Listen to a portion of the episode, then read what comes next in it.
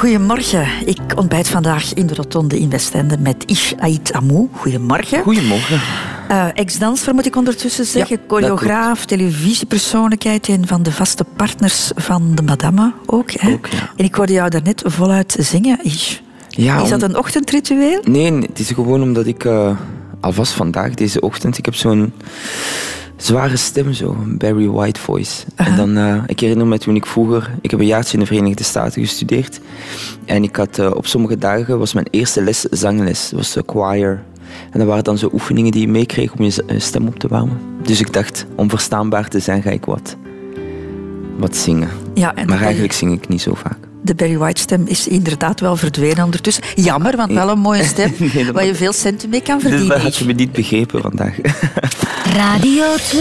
De Rotonde met Christel van Dijk. Is elke donderdag vertel jij, uh, of laat jij mensen hun verhaal vertellen ja. uh, bij de madame. Vandaag gaan we naar jouw verhaal luisteren, Ish. Ja. Ja, ik ben gast. Ja, ja eigenlijk ja, wel. ja. Ik, heb ik heb eens gelezen dat jij wel graag geïnterviewd wordt. Klopt dat? Ik vind, ik vind vragen fijn. Omdat uh, ja, een interview is, uh, zijn vragen. En ik vind het fijn omdat het, ja, soms krijg je vragen die jouw eigen omgeving je niet stelt. En dan, of je zoekt ter plekke naar een antwoord, of uh, je geeft een antwoord. En dan daarna zit je in de wagen en denk je, wauw, dat had ik niet gedacht dat ik dit zou zeggen of dat. Of, of ja. wat denk ik daar eigenlijk over? En dus ik vind het wel fijn omdat je, het zet je aan om misschien op een andere manier na te denken dat je normaal doet. Ik ga ja, samen met jou jouw persoonlijke levenspad een beetje in, in, in kaart brengen. De beslissingen die je genomen hebt uh, in je leven. Ja. Neem je makkelijk beslissingen? Heel makkelijk. Ja? Ja. Ik denk daar eigenlijk niet uh, al te veel over na. Denk ik. Als ik terugdenk aan alle mogelijke beslissingen die ik heb uh, gemaakt, of de meeste eigenlijk, ik, uh, ik, ik doe het gewoon. Ik heb niet zoveel last bijvoorbeeld van echt spijt hebben. Uh, en aangezien dat ik daar niet te veel last van heb, kan ik makkelijker, makkelijker beslissingen nemen. Ook dan misschien soms foute beslissingen, of alvast wat ik denk dat fout is. En, maar dan gewoon verder gaan. Je bent een bekend persoon, is. Um, en als je een bekend persoon bent, dan krijg je een Wikipedia-pagina cadeau hè, op, het, op het internet. Ah ja, is dat zo? Ja. Ah, dat wist ik niet. Ah nee. nee. Dus er bestaat een hele pagina over jou. En daar staat onder meer dit op. Ish Ait Hamou, veel voor de 9 april 1987, is een Belgisch danser en choreograaf, televisiepresentator, schrijver en mental coach van Marokkaanse afkomst. Sinds 2017 is Hamou stadsambassadeur van de stad Vilvoorde. Voilà. Moet je toch maar eens opzoeken. Ik wist echt niet... Uh... Enfin, dat is nog niet alles, dus je hebt een hele pagina. Uh, maar... fancy Wikipedia. Ja, ja. Alhoewel, ik wil wel zeggen... Sinds de laatste tijd krijg ik ook de titel van mental coach. Ja? Ik snap... Ik, uh, ik begrijp niet van waar dat eigenlijk Is niet zo.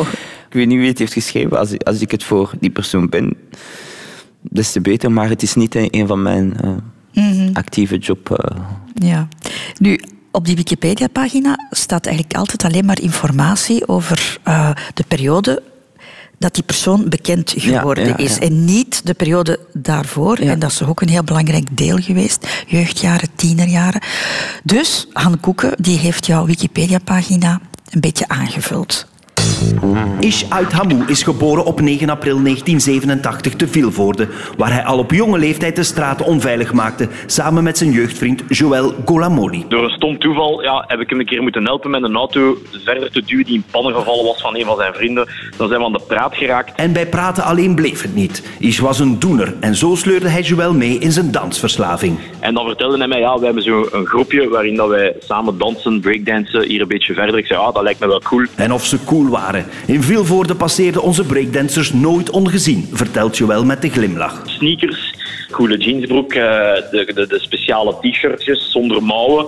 Ja, zo, zo die, die dingen. Hè. Zo, gelijk de breakdancers in de jaren 80, 90. En als er geen geld was, dan maakten Ish en de zijne hun outfits gewoon zelf. Broeken aan één naaien, wat t-shirts aan één naaien en zo wat kettingjes er rond en zo ja, tierlantijntjes en wat is het allemaal. Om cool te zijn, hè. Ja. Niet alleen de buitenkant kreeg de nodige aandacht van Ish. Wij filosofeerden zeer vaak met twee tot, tot uren in de nacht. Ook als wij te voet van, van A naar B aan het wandelen waren, waren wij constant bezig over het leven.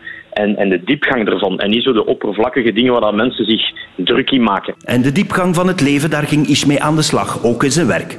Dat uitte zich niet enkel in het dansen. Hij bleek ook een scherpe pen te hebben, vertelt Cindy Terrière, schoonzus van Joël en manager van Ish, die op een dag een boek van zijn hand onder de neus geschoven kreeg. Ik heb dat denk ik op twee avonden uitgelezen en dan heb ik gezegd van Ish, deze is echt wel iets te goed om in uw schuif te laten liggen. En Cindy was en is nog altijd duidelijk onder de indruk van multitalent Ish. Dat is een duizendpoot van talenten.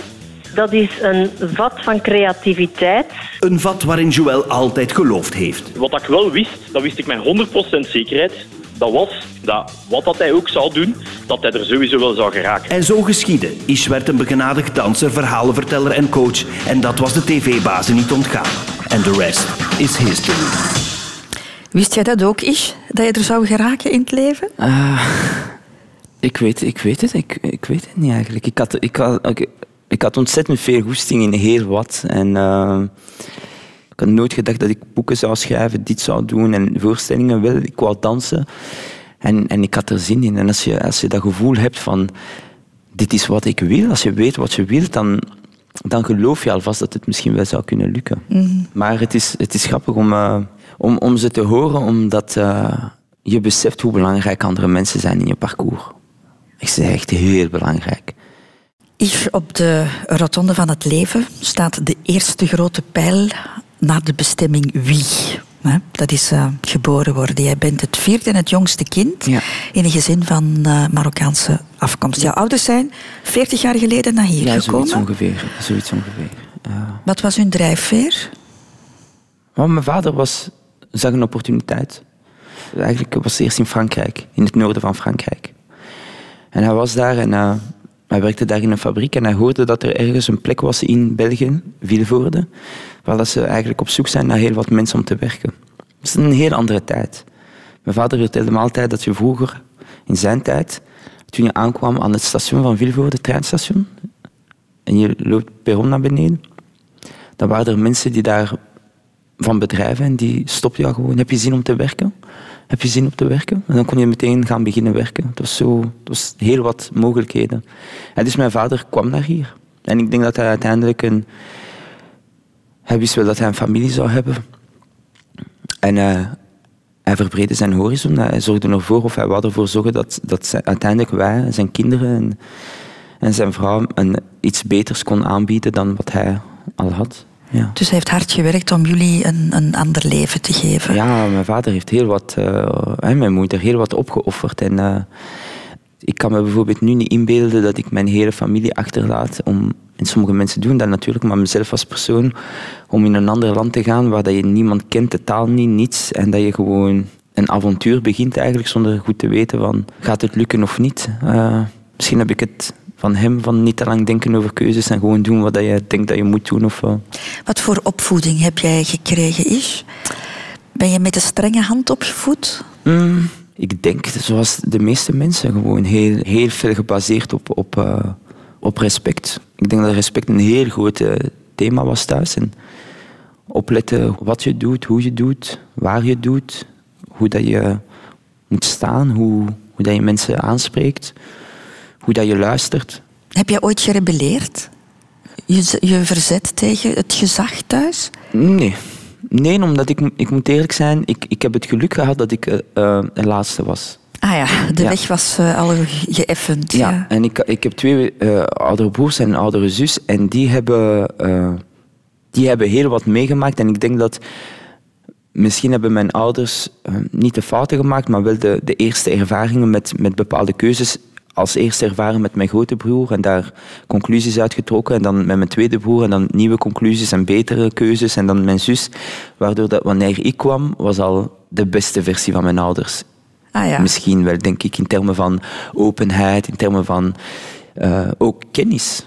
Ook kennis, weten, een nieuw land, weten hoe is het hier, wat, wat is het cultuur, wat is iets zoals dans, dat, een, dat, dat is een ding hier, dat is een job, dat kan een job zijn, dat kan leiden tot heel wat mooie dingen. Ik denk dat als mijn eerste broer in zijn tijd, mijn oudste broer dus, ehm, hij is nu 35, 36, maar misschien ouder, ik weet niet zo goed. Ja, maar eh, dan had het misschien anders geweest. Maar omdat ze, ja, ze zijn ook meer ervaring in dit land en meer, waardoor dat ik dan alle benefits heb, heb, heb mee kunnen nemen. En dus ik heb, ik heb nooit, ge, nooit rebel geweest, omdat ik, al, ik mocht eigenlijk doen wat ik wou doen. Ah, fijn. Ja, dat is echt, dat is echt super. De jongste, mama's kindje ook? Oh ja, ja. Nog altijd. Ja? Ja, nog altijd. Ja, maar ik vind mijn mama echt eh, een heel speciale vrouw eigenlijk. Maar ik zou niet weten hoe ik het moet beschrijven. Maar ik vind mijn, mijn mama echt mijn, mijn alles. Ja, echt mijn alles. En is mama's kindje, tot het einde. Uh, en ik zal dat daar ook echt... Ik probeer het haar ook te laten zien. Ook. Ik vind het ook heel belangrijk. Ik knuffel mijn mama nog altijd regelmatig en geef haar kussen in de nek en, en totdat ze giechelt. En, omdat ja, het is mijn mama en wij zijn allemaal ouder. Ik ben nu ondertussen 30, dus haar oudste kind is al 30. En, en ook mijn vader, ik zou niet willen dat ze het gevoel hebben dat we hen zijn vergeten of dat we oké, we hebben alles meegekregen wat we nodig hebben en nu zijn we bezig met ons eigen leventje. Ik wil wel dat ze alvast voelen dat zij evenveel deel maken van ons leven, alvast van mijn leven, dan toen ik hen nodig had op mijn tweede of derde. Uh, ik huil minder, maar, maar, maar, uh, maar, ik heb ze nog altijd wel evenveel nodig. En ja. dat probeer ik te laten zien, ja. De keuze voor het studeren is. dat was geen keuze. Dat was een verplichting. Dat was, uh, dat was geen keuze. ja, dat waren niet jouw leukste jaren, hè? De nee, schoolbanken? Nee, ik vond... Uh, ah, ik, heb, ik heb wel leuke momenten op school gehad, hè, moet ik eerlijk zijn. Ik heb ook vrienden daar ontmoet. Maar ik, ik vond het... School als instelling, daar had ik het last mee. Ik denk, school als als sfeer met, met je vrienden en je klasgenoten, dat was natuurlijk wel fijn, omdat ik, ik, had altijd goede banden met mijn klasgenoten en we konden altijd goed lachen en, en, en goed samen zagen en zeuren. En, en uh, daar was ik wel een rebel.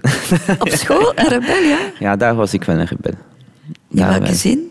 Uitdagen. Ik was heel, probeerde mijn leerkracht altijd uh, uit te dagen, omdat ik maar ik verveelde me ook op school. Dus dat was het, misschien was dat het. Het was lastig. Ik verveelde me op school en ik, ik snapte. En dat bedoel ik dan op, op een iets latere leeftijd, dus op mijn vijftiende, zestiende. Ik, stap, ik snapte niet waarom ik moest leren wat ik leerde. En ik snapte niet waarom ik dat nodig had. En ik, dat is heel wat dat ik niet snapte. En het probleem had ik vaak, als ik dat aankaart, dan was het precies... Uh, Misschien gebruikte ik de verkeerde toon, maar dan werd dat nieuw serieus genomen. Het is alsof dat je ja, rebelleert. Als ik vraag, maar waarom heb ik dit nodig? Als, je dat, als ik dat zei aan mijn leerkracht, dan was het alsof ik problemen zocht. En, uh, terwijl mm -hmm. sommige vragen wel oprechte vragen waren. Ik, ik, snapte, ik snapte niet waarom ik moest weten hoeveel er gemiddelde, wat gemiddelde neerslag was. In ja. Vlaanderen, ik, ik snapte dat oprecht niet, waarom ik dat moest kennen eigenlijk. Misschien de keuze, een verkeerde keuze van richting genomen? Ja, maar ik wou altijd, uh, toen ik jonger was, ik wou altijd Latijn gaan volgen. Want ik, ik had iets met talen. Ik, ik, ik sprak uh, uh, Frans, vloeiend Frans, toen ik voor mijn twaalfde. En, en Nederlands op school, met de nodige fouten. En, en Marokkaans, dat kreeg ik ook thuis. En Engels, omdat ik luisterde heel veel naar Engelse muziek, maar ook al onze onze zenders vroeger, en VT4 en Kanaal 2 was het. En daar waren alle tekenfilms op s'morgens en ook in de namiddag. Je had The Simpsons en je had The Fresh Prince of Bel-Air en alle series en Friends. En dat was allemaal Engels zonder titel. Dus ik pikte het heel snel op. Dus ik had al een paar talen en ik dacht, wauw, Latijn, dat is iets... Ik spreek al vier talen, een vijfde taal. En eh, ze noemen het de dode taal. En ik vond het altijd zo mm -hmm. mysterieus. En ook in onze buurt, mensen die Latijn gingen volgen, die werden gezien als la crème de la crème. Dus echt de toekomstige ingenieurs en dokters die gingen Latijn volgen. En ergens wou ik ook zo'n beetje laten zien van, ik kan dat ook wel aan. Maar toen ik naar school ga, uh, ging, toen, hebben, uh, toen heeft de, de, directie mijn school, uh, mijn moeder, want ik ging met mijn moeder, die hebben die overtuigd om mij in technische in te schrijven. En toen zat ik in technische richting vast en, ja, en toen, toen was het voor mij op dat moment voorbij.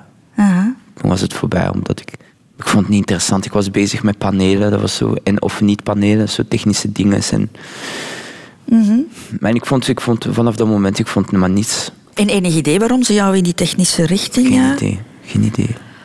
Heb je geprobeerd ook om eraan te ontsnappen? Heb je gespijbeld en, en dat soort dingen? Ja, nee, niet gespijbeld, maar ik was wel gewoon... Ik was wel gewoon... Ja, re, ja.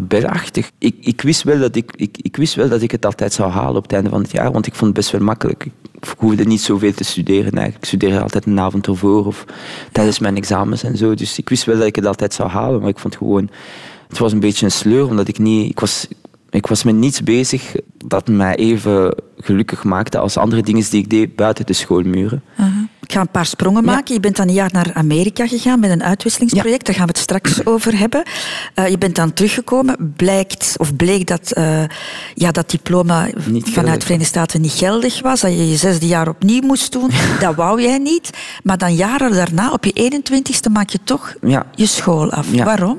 Maar voor twee redenen. Het allerbelangrijkste is, mijn ouders vonden diploma belangrijk. Dat, was, dat, dat, is, dat is het teken van ergens succes, een teken van geleerde mens te zijn. Dat je hebt geleerd. En ik dacht, als ik zelfs een, een secundair diploma niet kan voorleggen aan mijn moeder en mijn vader, dan had ik wel het gevoel dat ik hen had gefaald ergens. Ik dacht, dat is wel het minimum dat ik, dat Ah, ik ja. hen zou moeten geven. En mijn, ik herinner me, mijn oudste broer had me bij de hand genomen en had me gezegd, kijk, maakt me niet zoveel uit wat je doet met je leven, als je wilt gaan dansen, als je dit en dat. En zeg maar, haal je diploma. En als je dat hebt gedaan, dan mag je, dan mag je doen wat je wilt. Maar ga dat diploma halen. En de combinatie van dat gesprek met mijn broer en dan dat gevoel dat ik had tegenover mijn ouders, toen dacht ik, oké, ik, ga, ik ga terug. Een moedige beslissing op je 21ste terug op die schoolbankje zitten. Ja, was, was uitdagend. was uitdagend, ja. Maar weer, ja. Is, is het toeval? Is het geen toeval? Ik weet het niet, maar ik was 21, ik was al ietsjes meer volwassene dan een 17-jarige. Ik had ook andere levenservaringen. Ik was naar Amerika een jaar of mijn eentje gegaan, heb daar heel wat meegemaakt. En dus ehm, toen ik terugkwam, was ik een ander mens. En ik heb als nieuwe mens heb ik dan mijn leerkracht Engels leren kennen. En het is dankzij, ook mede dankzij eh, mevrouw Paula van der Beke, dat ik mijn eh, boek heb geschreven. Ah ja. Ja. Over schrijven. Ja. Dat is een andere Ja. afslag in jouw leven. Daar gaan we het eh, Dus je ziet, over soms zijn heel moeilijke beslissingen, maar dan, het is net dankzij die moeilijke beslissing of dankzij die, wat jij denkt dat een, een stap terug naar achter is, dat je dan daarna drie stappen naar voren kan doen, omdat je dan daar iemand ontmoet die jou een super harde duw in de rug geeft en dan ga ik je weer verder. Ja.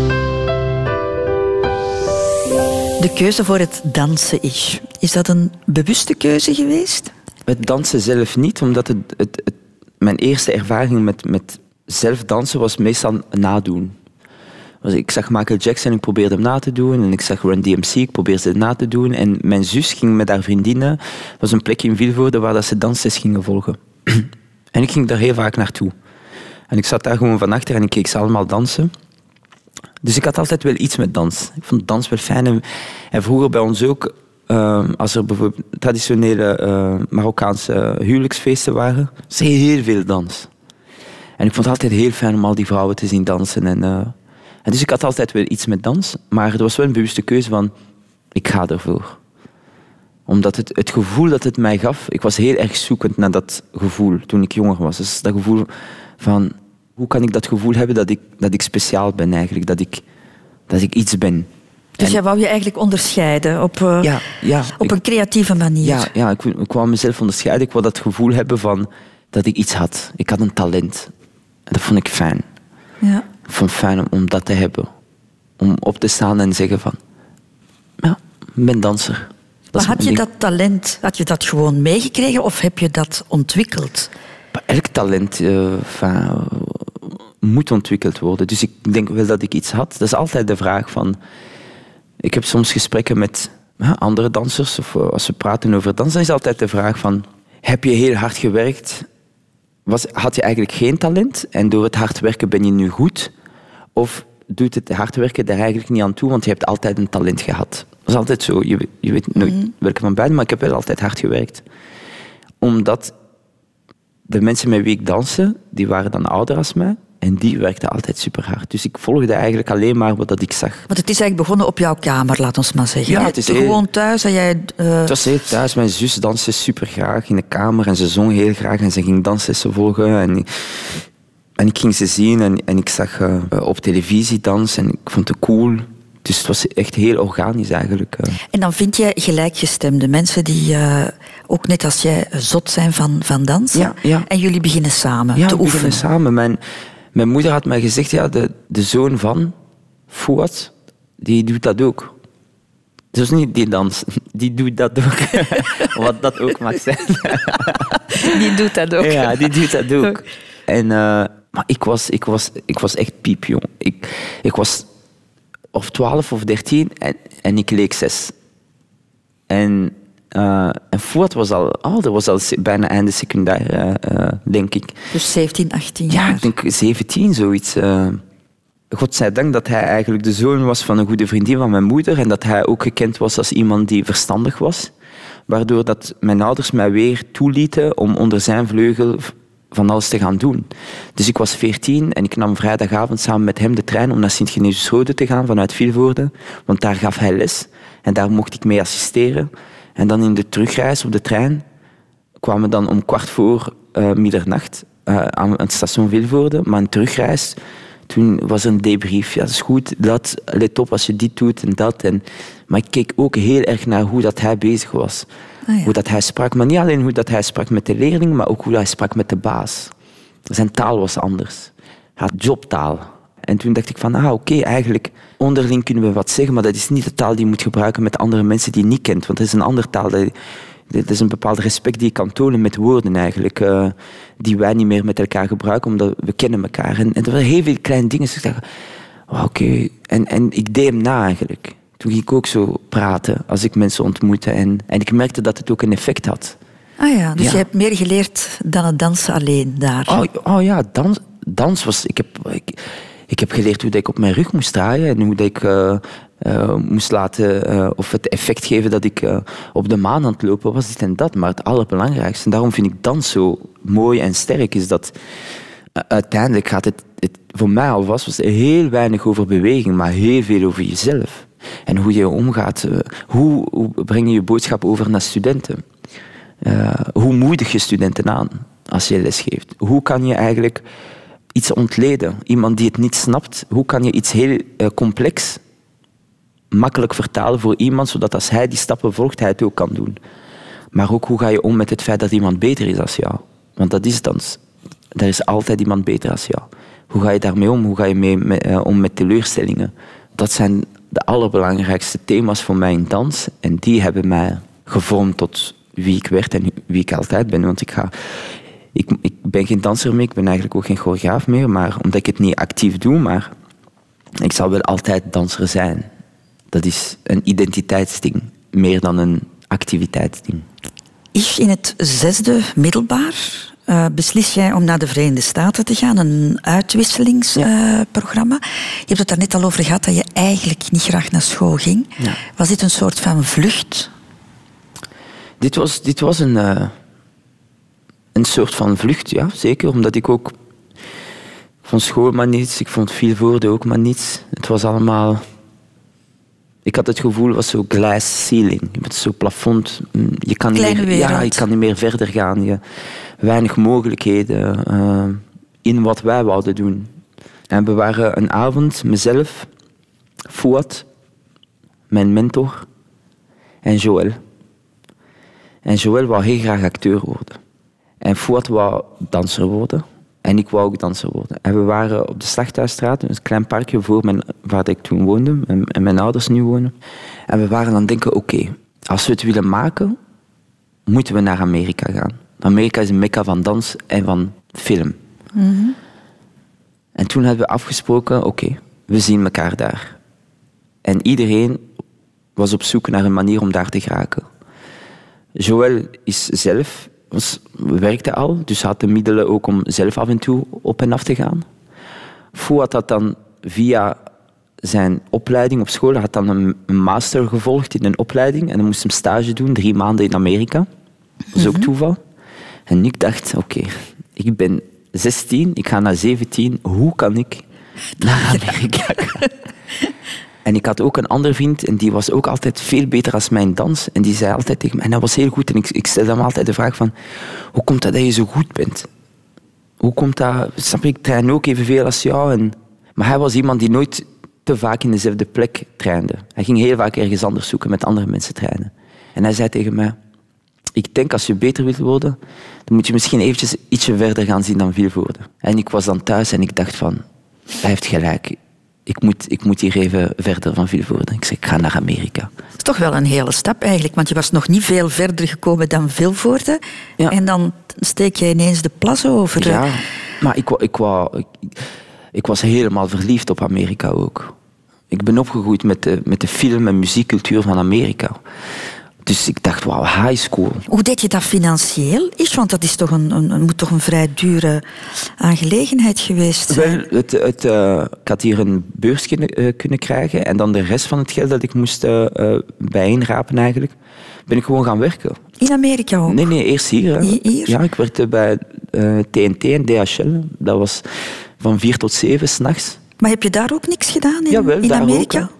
Wat heb ik een beetje van alles gedaan. Toen dacht ik van oké, ik ben hier. eh, wat zijn mijn eh, skills? En hoe kan ik ermee geld verdienen? Ik had dans, dus ik heb op een bepaald moment wel een beetje dansles kunnen geven, maar dat heeft niet lang geduurd. En dan, ik sprak Frans en ik merkte op school van heel veel mensen die Frans volgden. Eh, en dus had ik in de, in de bibliotheek van de school had ik dan een affiche opgehangen van ik geef bijles en dit en dat en dat. Ik ben van België, ben native French speaking en... en dus had ik dan een paar eh, eh, mensen die dan kwamen met hun ouders en die zeggen, ah, ben jij het? En dan heb ik een paar eh, Allee, ja, Frans gegeven. Maar ik ging ook bijvoorbeeld heel vaak in de buurt en ik zag, ik woonde in een hele rijke buurt eigenlijk van Laguna Beach. En ik zag heel veel mensen in, in bijvoorbeeld de wagens voor de deur en die waren helemaal vuil. En toen ging ik aankloppen en ik zei, hey, ik ben Ish en dit en dat, ik ben nieuw in de buurt. En ik laat even weten dat ik, ik was auto's. ik, ik was auto's en, en, en voor, voor vijf dollar eh, was ik... En dan had je een paar mensen die waarschijnlijk misschien niet nodig hadden, maar die vonden het misschien wel fijn. Of die dachten, ah, die kan het wel gebruiken. En, of misschien hadden ze het gewoon nodig. En dan kwam ik terug met een emmer en, en wat zeep. En, toen ging, en dan gaven ze me altijd wel meer dan, dan die vijf dollars. En, dus, En soms waren er zo gelegenheden. Je had, een, je had een heel kleine winkelstraat. Naast eigenlijk, een, er was ook een eh, Belgische eh, restaurant, eh, Brussels Bistro noemde het. En daarnaast was er een surferswinkel. En zij organiseerde een talentenjacht. Moest je zingen. En ik dacht, oké, ik ga ook meedoen. En ik werd tweede of derde. Vraag me niet hoe. Misschien was het een medelijdenprijs, ik weet het niet. Alvast, ik heb mijn cadeaubon gekregen en die heb ik dan, dat was voor 300 euro cadeaubon en die heb ik dan kunnen inruilen met iemand voor 225 dollar. En toen had ik 225 dollar. En ik ging heel zuinig mee met mijn geld. Maar als we kort kunnen samenvatten, is dat jaar Verenigde Staten, dat is een hele goede keuze geweest. Oh, dat is, ik, ik raad het echt iedereen aan. Het reizen, je ontdekt jezelf echt. Toen ik 17 was en ik denk terug aan mijn leven als 17-jarige, heel wat is zelf, vanzelfsprekend. Je weet eigenlijk niet meer hoe dat je, je je beste vrienden, hoe hebben we elkaar leren kennen. En dan ben je 17 en moet je nieuwe vrienden gaan maken. Hoe doe je dat? Wat vroeger onbewust was, vriendschap, werd nu iets heel bewust. En dat op, op elke vlak. En dat is, dat is priceless. is echt de beste keuze die ik ooit heb gemaakt, denk ik. Op een bepaald moment is, besluit jij te stoppen met dansen. Ja. Waarom die keuze? Omdat ik het... eh, ik voelde het niet meer. Ik voelde het niet meer en ik denk dat ik heel wat... Of de keuzes die ik maak zijn heel vaak gebaseerd op mijn gevoel. Wat ik voel dat ik moet doen of niet. Of wat mij gelukkig maakt of net niet. En ik denk dat ik in mijn traject als danser... dat ik heel wat heb gedaan met dans dat eigenlijk mijn gevoel tegensprak. Wat- Dingen moeten doen voor, ja, voor het geld? Of voor het geld jobs moeten doen, voor, voor het geld, terwijl dat ze mij niet eh, voldoening gaven op termen van creativiteit. En, of, of soms omdat je denkt dat het een goede zet is in jouw carrière, of soms omdat eh, je denkt dat het jou eh, in termen van populariteit dat het een, een, goede, een, een goed idee is om het te gaan doen. En dus op dat vlak denk ik dat ik niet genoeg respect heb getoond aan de danser in mezelf. En dan die danser zei op een dag, ik ben hier weg. Had het feit dat je ook een andere uitlaatklep gevonden had daarmee te maken? Want je was ondertussen ook aan het schrijven natuurlijk. Ja, ja. Ik heb altijd geschreven sinds ik twaalf ben. Dus op dat vlak heb ik, ben ik eerder begonnen met schrijven dan ik met dans ben begonnen. Want ik was altijd in, in, de, in, de, in de klas en ik was altijd iets aan het schrijven. Dat was wel het goede aan jouw schooltijd, want je had een lerares die jou daar toch in gestimuleerd heeft. oh hè? Ja. Mijn Engels was, was tegenover de, de, mijn medeleerlingen was, was heel goed. En mijn, leer, mijn leerkracht zei altijd tegen mij, kijk, je bent verplicht om naar de les te komen, maar je mag gewoon boeken lezen. Lees boeken, je hoeft de les niet mee te volgen. En ik, ik studeerde secretariaat talen, dus ik had heel wat eh, uren Engels. En heel vaak ging ik zelf iets schrijven. En ik herinner me op een dag, dan kwam ze en ze keek over mijn schouder en ze las mee. En in één keer had ze zo van... Weet je, soms als mensen zo'n geluid maken van verrast zijn, zo... Hmm, zo'n geluid dat ik graag hoor. Dat betekent dat je iets goeds hebt gedaan. En, zo. en ze zegt, ja, best wel goed wat je schrijft. En ik keek haar aan, ik zeg, oh, dank je. Ze las een beetje verder en toen zei ze... Hmm. En toen keek ik haar en zei, heeft iemand je ooit eens gezegd dat je er iets mee zou moeten doen? En ik keek haar en ik zei, nee. En toen las ze een beetje verder en ze liep weg. En toen keek ze en ze zei, wel, je zou er iets mee moeten doen. Waarom heb je dan zo lang gewacht om, om daar iets mee te doen? Omdat mijn missie was volbracht. Ik heb een boek geschreven. Dus dat was wat ik voor ogen had en daar bleef het bij. Alleen mijn idee van wat een auteur is, en de definitie die ik heb meegekregen van wat een auteur is, was heel ver van mijn realiteit.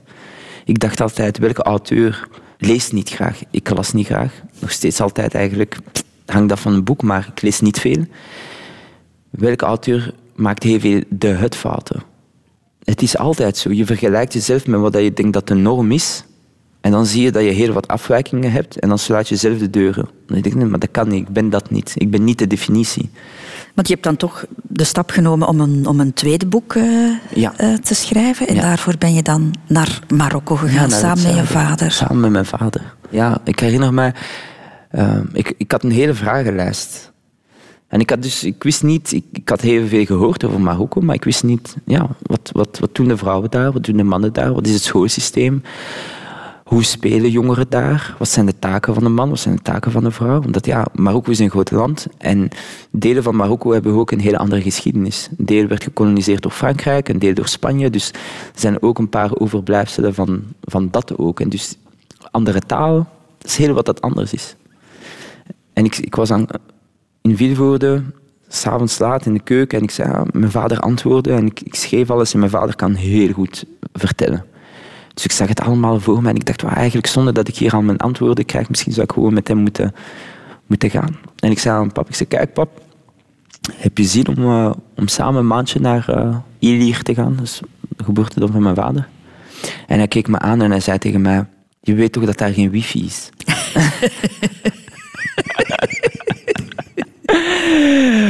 en dat was een van de mooiste reizen die ik, eh, die ik heb meegemaakt. Waarom was die reis zo belangrijk voor jou? Voor verschillende redenen eigenlijk. Maar om in levende lijven te zien het, het traject dat mijn vader heeft afgelegd om in Vilvoorde te geraken. Het meemaken, het zelf door de Atlasgeberg te rijden en door al die wegen en door de hitte. En, en uiteindelijk zien de bron, het huis waar hij is opgegroeid. En, en het gewoon zien terwijl hij daar is. En onze gesprekken waren heel anders ook. Heel anders dan onze gesprekken thuis of eh, in België. Of, omdat het is een heel andere omgeving. Het is een heel andere omgeving, een heel andere sfeer. En we hebben dus over heel wat gepraat waarover ik met mijn vader nog niet had gepraat. Over zijn verleden, over zijn keuzes, over zijn moeilijkheden, over zijn ouders en eh, zijn opvoeding en hoe het was. En, en dus op, op dat vlak was het gewoon mijn, mijn vader op een heel, heel andere manier leren kennen. Want een vader en een moeder, dat is zo ook iets super vanzelfsprekend soms. Die zijn er altijd geweest. En ook wat ik, wat ik, wat ik in, inzag op dat moment is dat mijn vader was mijn gids. Hij was de enige persoon die de plek kende, maar ook de enige persoon die de taal beheerste. Dus alles wat ik moest vragen, ging via hem. En het gevoel dat hij had, dat was wat ik kon lezen van zijn, van, in zijn ogen, het gevoel hebben van belangrijk zijn en eigenlijk een heel belangrijke schakel te zijn in een heel belangrijk moment in zijn zoon zijn leven, dat hij werd, hij werd groter dan alles. En toen, toen ik dat zag, toen dacht ik van, doe ik iets verkeerds thuis, dat ik dat niet zie. Want dit heb ik, dit, hem zo gezien heb ik hem nog nooit zo gezien.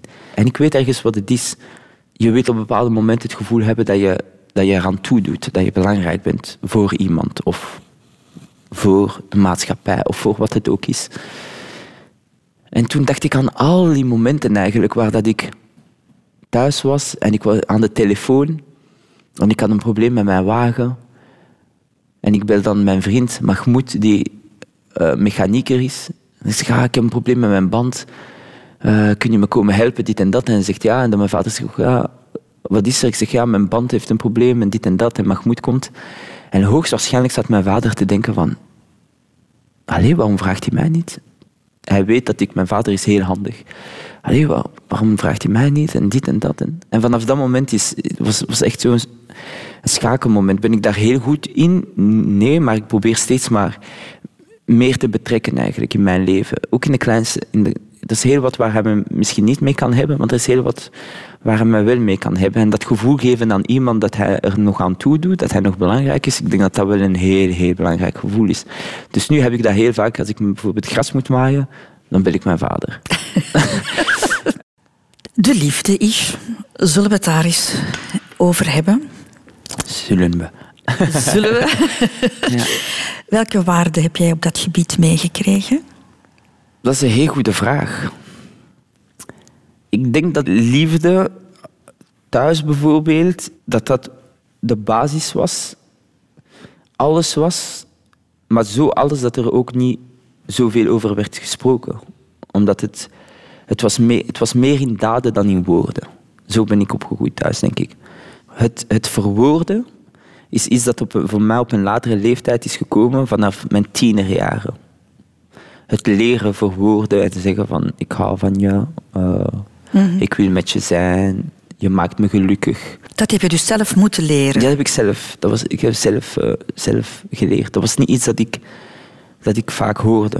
En dus probeer je eh, zelf de eerste keer uit te proberen met mensen. er waren toen meisjes op school of een meisje op school waar ik dacht dat dat gevoel dat ik voelde, dat dat, dat was liefde. Ja, vlindertjes in je buik. En, ja, dat is liefde. Of is dat liefde? Of je dacht dat liefde was en dan probeer je. Schrijf je briefjes en dan zeg ik, ik hou van jou. En, en dan stond er beneden, wil je met me zijn? En dan ja, nee. En dan tussen haakjes omcirkel het juiste antwoord. Simpel. Jouw ouders zijn nog altijd samen. Ja, Hè? ja. Is dat voorbeeld van een levenslange liefde, is dat ook jouw ideaal? Ja, zeker. En de vraag is natuurlijk, als, als, als zielsverwanten of als, als partners, als koppel, als getrouwden, als vrienden, als mensen die oprechte liefde voor elkaar hebben en tonen, hoe ga je om met die momenten en, en, en raak je elke keer op, op een volgend niveau en kan je altijd jouw relatie laten verder rollen. Eh, maar zeker, omdat mijn ouders hebben eh, hebben heel wat opgeofferd. Dus ik kan me inbeelden dat ook op een latere leeftijd, wanneer hun kinderen zijn grootgebracht, dat er dan heel essentiële vragen beginnen op te komen van is het wat ik altijd heb gewild? En ze hadden waarschijnlijk ook misschien andere misschien dromen en dit en dat. Dus ik kan me inbeelden dat dat, dat ook dan eh, zijn, zijn, zijn plaats komt te krijgen binnen in een relatie, waar dat je je eigen beslissingen en keuze begint eh, onder de loep te nemen en af te vragen of je de juiste keuzes hebt gemaakt of niet. En eh, samen blijven is, is, ik denk dat samen heel moeilijk is. Je moet heel wat investeren eigenlijk, eh, op lange termijn, denk ik. Ja, want je hebt dus ooit gezegd, een jaar geleden dacht ik, ik probeer mij niet te hechten aan ideeën van eeuwigheid. En dat ging ook wel over de liefde Ja, ja omdat denken dat iets eeuwig zal duren en dat het nu zo is en zo zal blijven, soms eh, zorgt het ervoor dat ik de vandaag verwaarloos en mijn daden en mijn woorden verwaarloos. Omdat ik toch, ik, ik heb het comfort van te weten dat het gaat duren, dat alles gaat duren. Dat zorgt er vaak voor dat je alles uitstelt. Ah, morgen, zal er nog zijn. En dat je slordig en En dat nonchalant je vandaag wordt. Ja. slordig en nonchalant en eigenlijk niet doet wat je zou kunnen doen. Maar alvast dat gevoel van het zal niet eeuwig duren, dat kan er wel voor zorgen dat ik in actie schiet en dat ik mijn best probeer te doen om vandaag de beste is te leveren op alle vlakken. Uh, maar ook naar je partner toe? Naar mijn partner, naar mijn, naar, naar, naar, naar mijn vrienden, naar mijn familie, naar mijn werk, naar mijn passie, naar, naar alles. Er is nu iemand in, in jouw leven, ja. is, over je eigen privésituatie is, over jouw gezin. Uh, daar ben je heel erg discreet over. Hè? Daar praat je liever niet over. Ja, dat klopt. Ik, uh, ik probeer het te beschermen op een of andere manier. Ik, heb een vrouw en een zoontje, maar ik, ik probeer altijd vanaf het begin af te spreken om, om daar inhoudelijk niet te veel over hebben, omdat ik... Uh, omdat ik, ja, sommige, het is een heel wat dat ik graag deel met mensen en heel veel delen van mezelf dat ik deel met mensen, maar ik heb, gevoelsmatig heb ik altijd zo het gevoel dat ik sommige dingen voor mezelf zou willen houden en ook een beetje af, afschermen van mogelijke situaties als je, als je soms je mening uit of als je uh, ja, je mening uit over bepaalde onderwerpen en je krijgt af en toe wat, wat, wat negatieve feedback terug of, of uitlatingen. Ik, ik, ik kan er heel goed om met wat uh, over mij wordt gezegd, maar ik vind het heel moeilijk als het zou gaan over die andere persoon in mijn leven. Wat je eigenlijk wil zeggen is dat je jouw gezin, jouw vrouw en jouw zoon wil beschermen tegen mogelijk negatieve reacties die eigenlijk voor jou bedoeld zijn.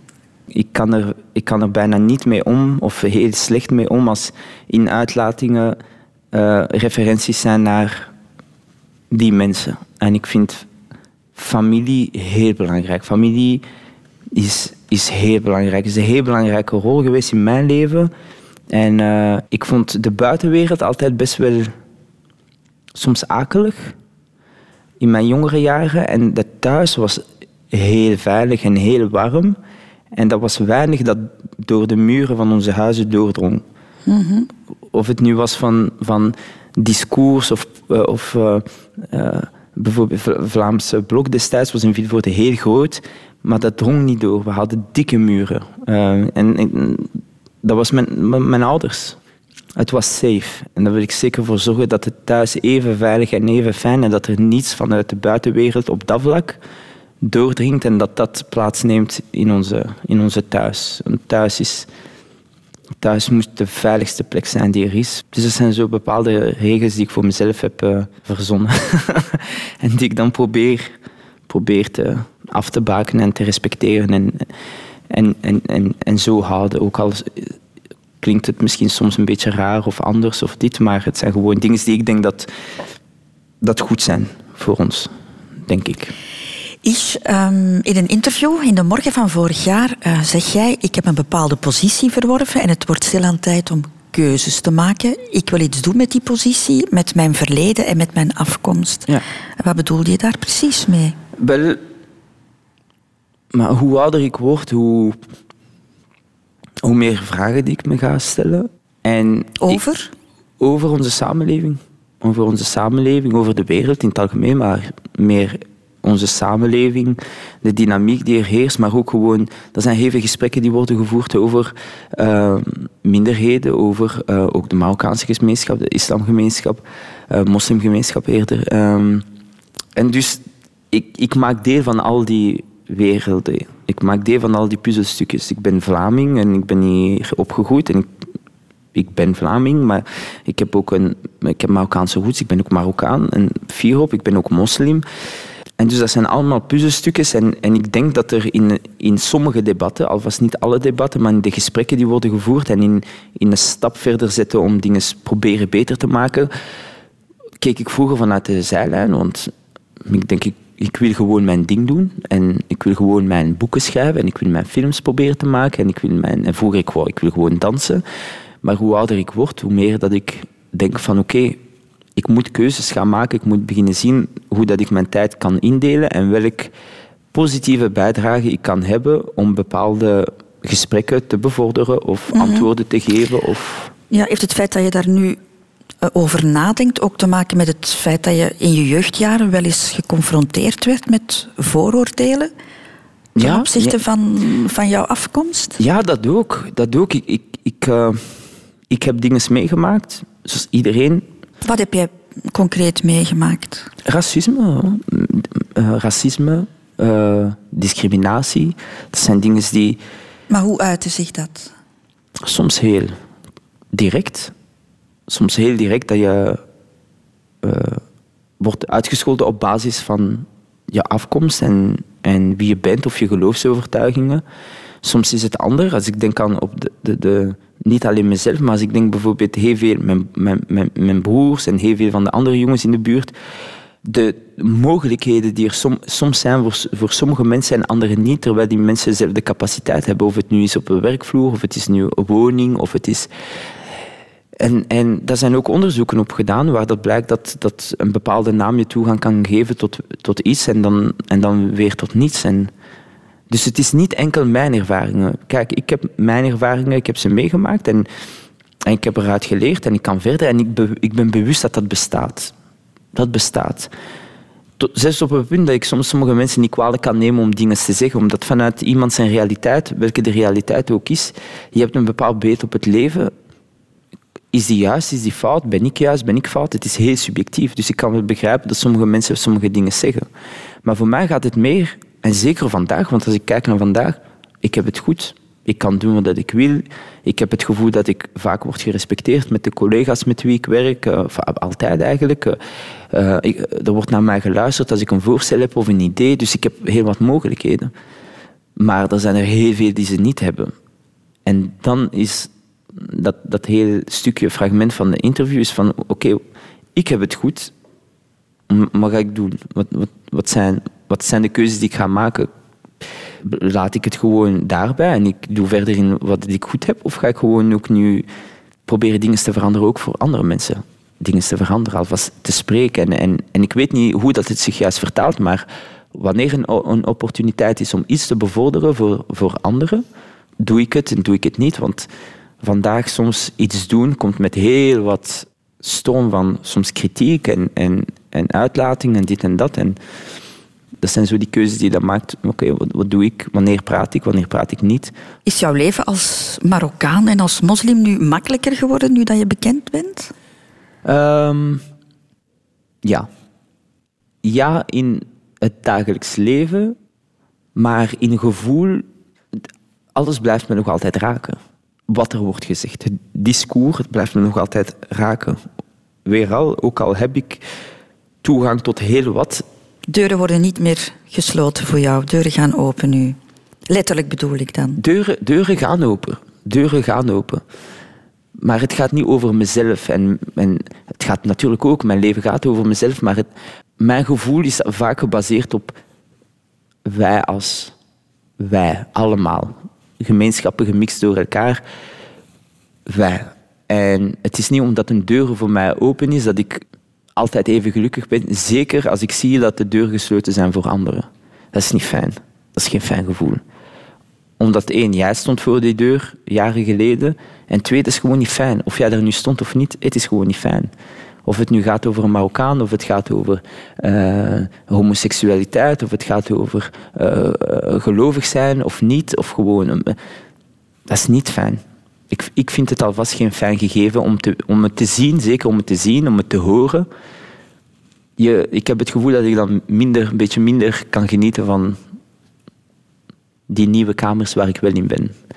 Omdat je ook niet veel mensen terugvindt van waar jij komt. Vind je zo? is precies naar dat, dat heel fancy, soms of leuk feestje gaat, maar dat je niemand kent. De laatste afslag, beste Ish. En er is jammer genoeg geen nooduitgang waaraan, uh, waardoor je kan ontsnappen. Je moet de pijl doodgaan volgen. Ja. Duurt nog wel even normaal gezien bij jou, hè? Wie weet. Hè? Sta je daar al eens bij stil? Heel vaak. Ja? Ja, heel vaak. Ik schrijf er ook heel vaak over. Ik denk ook dat in onze opvoeding, alvast weer vanuit het Marokkaanse en islamitische cultuur, is dood een onderwerp. Omdat dood iets is dat je eraan moet herinneren om zo goed mogelijk te leven. En je best te doen. En een zo goed mogelijk versie van jezelf te zijn als mens. Dat je beter moet worden hier. Dat je steeds maar een beter mens moet worden. En dus, dus dat is altijd een onderwerp geweest. En ook mijn ouders. Dus ik heb, in onze straat zijn er heel wat ouders gestorven van andere uh, familieleden. Zijn onze de oma en de tantes. En, eh, en ik zie mijn ouders ook wel ouder worden.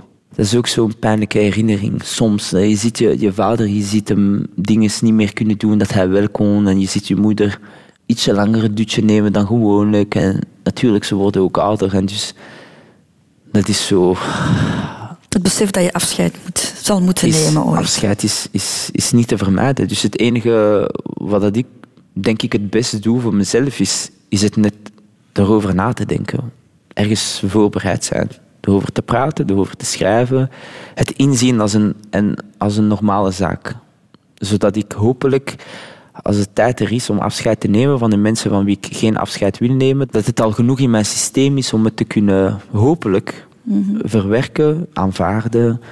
eh, Je zegt doodgaan is een wezenlijk onderdeel van onze cultuur. Is afscheid nemen dat ook? Is dat ook iets dat gemeenschappelijk beleefd wordt? Ja, in de, in de Marokkaanse cultuur is dat echt zo. Dus eigenlijk, ik vind het een heel moeilijk moment, het afscheid nemen. Het is heel, heel pijnlijk en tegelijkertijd heeft het iets heel moois en poëtisch. Omdat als, als, een, als eh, een man of vrouw bijvoorbeeld op een sterfbed ligt, dan komen de mensen van de buurt langs het sterfbed.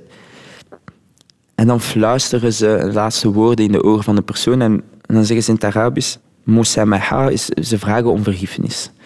Dus ze vragen om vergiffenis voor wat dat ze ooit hebben kunnen misdoen of slecht gezegd over die persoon of wat dan ook. En het is, als, het is zo eh, laatste kans om vergiffenis te vragen. Want als die persoon weg is en heb je niet vergeven, dan, dan zit je ermee. Want dat is de enige persoon die kan eh, vergeven. En dan, oh god, zo zien, ze, eh, zo zien wij dat.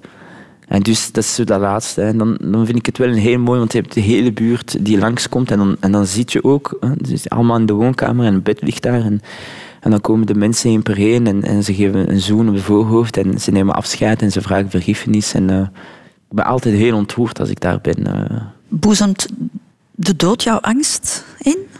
Ehm, ja en nee. Dat hangt af over wie ik denk. Maar voor jezelf? Voor mezelf, soms wel, soms wel, soms niet. Ik denk dat ik sommige momenten heb waar dat ik het gevoel heb waar dat ik net goed in ben in het afscheid nemen, ook al van, van, van dit leven. En dan denk ik van ja, als het zo is, dan is het zo. En dan sommige momenten waar dat ik en ik denk dat het meestal te maken heeft wanneer ik zo dat gevoel heb van gelukkig te zijn. Dan denk ik van, ah, dit, dit kan nog even blijven duren. Ik zou niet willen dat het nu stopt. En heel wat is veranderd. eh.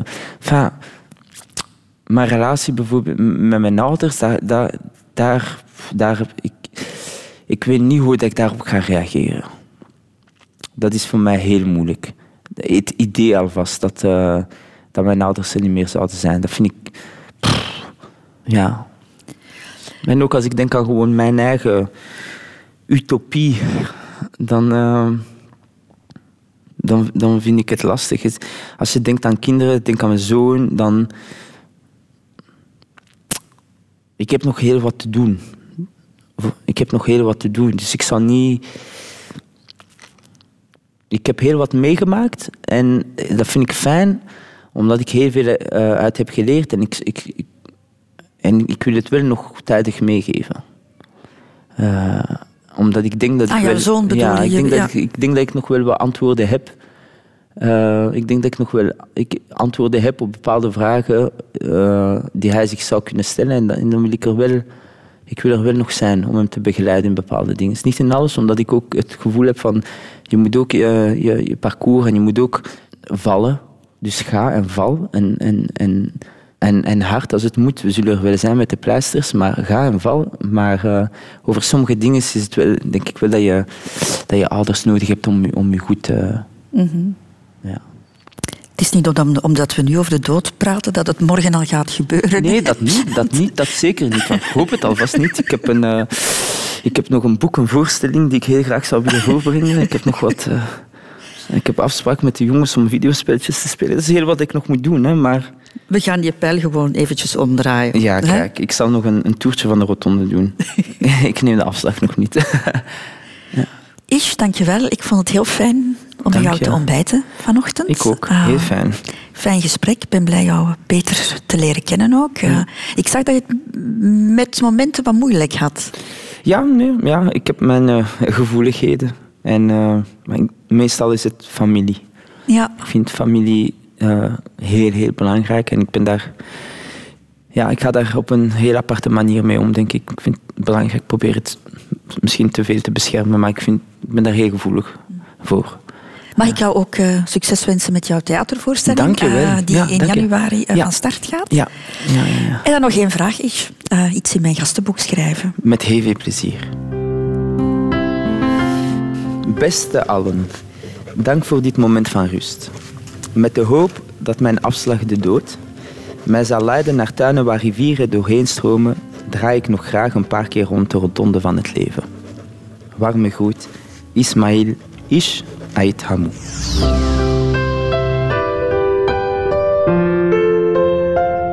Radio 2.